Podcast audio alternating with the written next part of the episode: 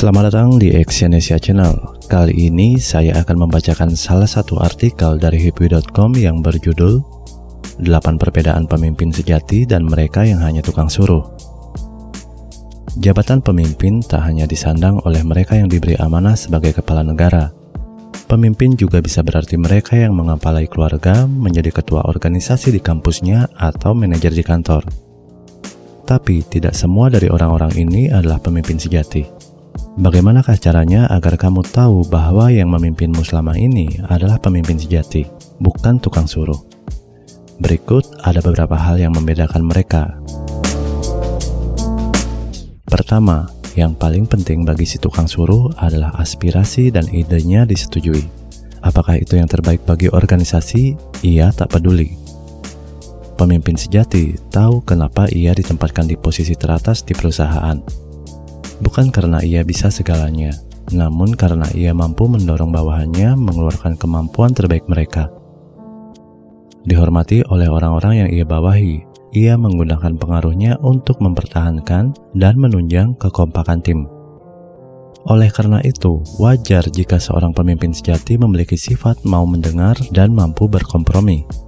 Sifat mau mendengar dan mampu berkompromi inilah yang membedakan mereka dengan tukang suruh tukang suruh hanya fokus berusaha untuk mewujudkan ide-ide yang mereka punya. Apakah ide-ide dan keinginan itu benar-benar yang terbaik bagi kepentingan organisasi? Entah mereka percaya bahwa jawabannya iya atau mereka tidak peduli. Yang penting, keinginan pribadi terpenuhi. Yang kedua, pemimpin sejati akan berlaku jujur. Hati, tangan, dan mulutnya bicara dengan bahasa yang sama Begitu mudah untuk menyampaikan sesuatu dengan mulut kita. Kalimat inspiratif dan motivasional bisa meluncur begitu saja, karena memang lidah tak bertulang.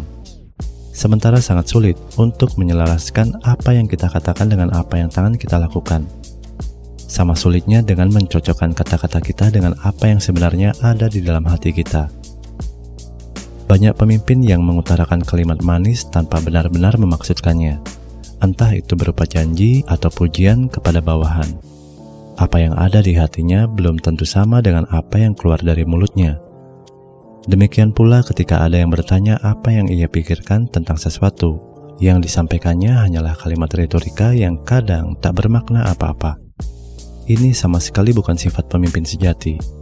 Saat seseorang tak bisa jujur mengatakan sesuatu dengan hati, bisa jadi sebenarnya ia hanyalah tukang suruh. Yang ketiga, pemimpin sejati bersikap tegas, bukan untuk menakut-nakuti. Itu hanya demi kepentingan organisasi.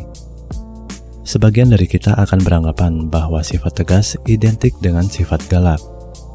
Namun sebenarnya, kedua sifat ini sama sekali berbeda.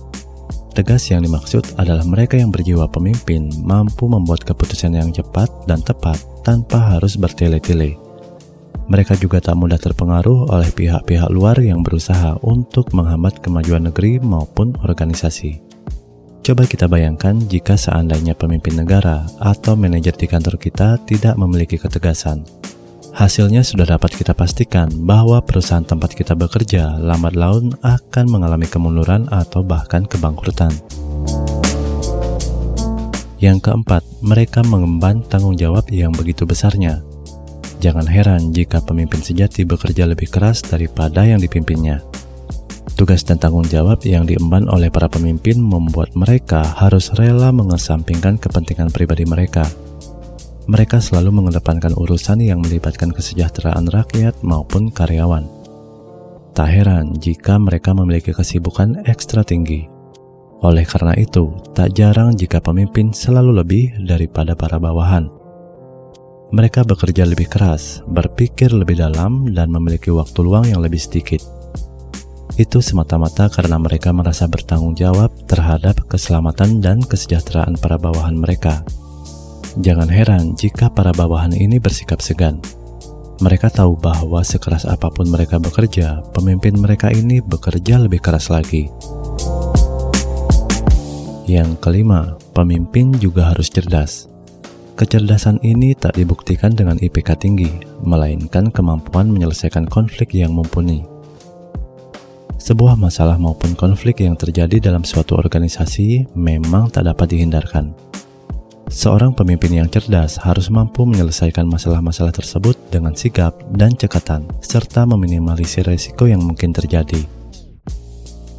Bayangkan jika bos kita di kantor adalah orang yang tak cerdas. Sudah bisa dipastikan dia akan mudah terpengaruh oleh omongan orang lain. Bahkan bukan tidak mungkin dia akan dimanfaatkan oleh pihak-pihak tertentu. Lagi pula, maukah kita dipimpin oleh mereka yang tak begitu cerdas?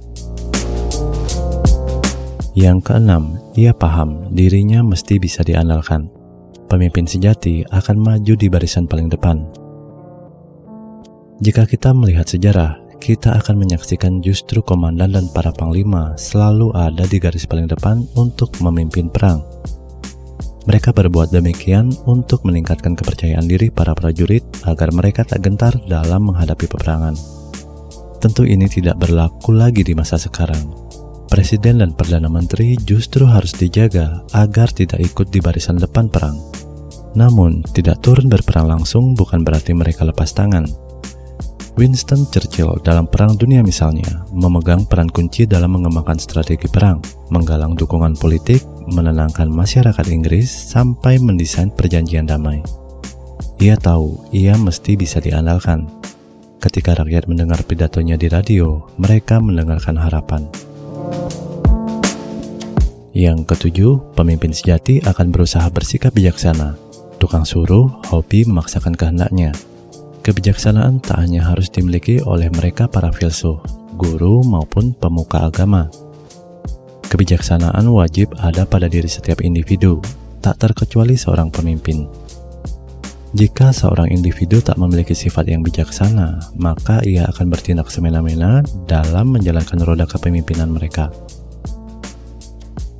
Mereka tak ubahnya seorang tirani maupun diktator yang suka memaksakan kehendak kepada orang lain. Tak jarang dalam menjalankan kepemimpinannya, mereka akan menghalalkan segala cara. Pemimpin yang memiliki sifat seperti ini tak akan bertahan lama berada di ujung tombak kepemimpinan. Sudah banyak contoh tukang suruh yang berakhir gagal. Hitler adalah salah satu di antaranya. Yang kedelapan, mereka sadar bahwa mereka bukanlah orang yang paling tahu segalanya. Oleh karenanya, mereka selalu membuka telinga. Pemimpin sejati menyadari betul bahwa mereka bukanlah orang yang sempurna yang serba tahu. Alih-alih menebak-nebak jawaban, mereka justru tak malu mengatakan bahwa mereka memang tidak tahu. Hal tersebutlah yang membuat mereka selalu terbuka dengan ide-ide baru, mau menerima saran dari orang lain, serta mendengarkan dengan seksama kritik yang datang kepada mereka. Jika bos kamu tidak memiliki satupun sifat-sifat yang saya sebutkan tadi, mungkin kamu perlu mencari bos yang lain. Terima kasih telah mendengarkan audio artikel ini dan silakan cek link di bawah untuk membaca artikel yang saya bacakan ini di hibui.com. Salam sukses.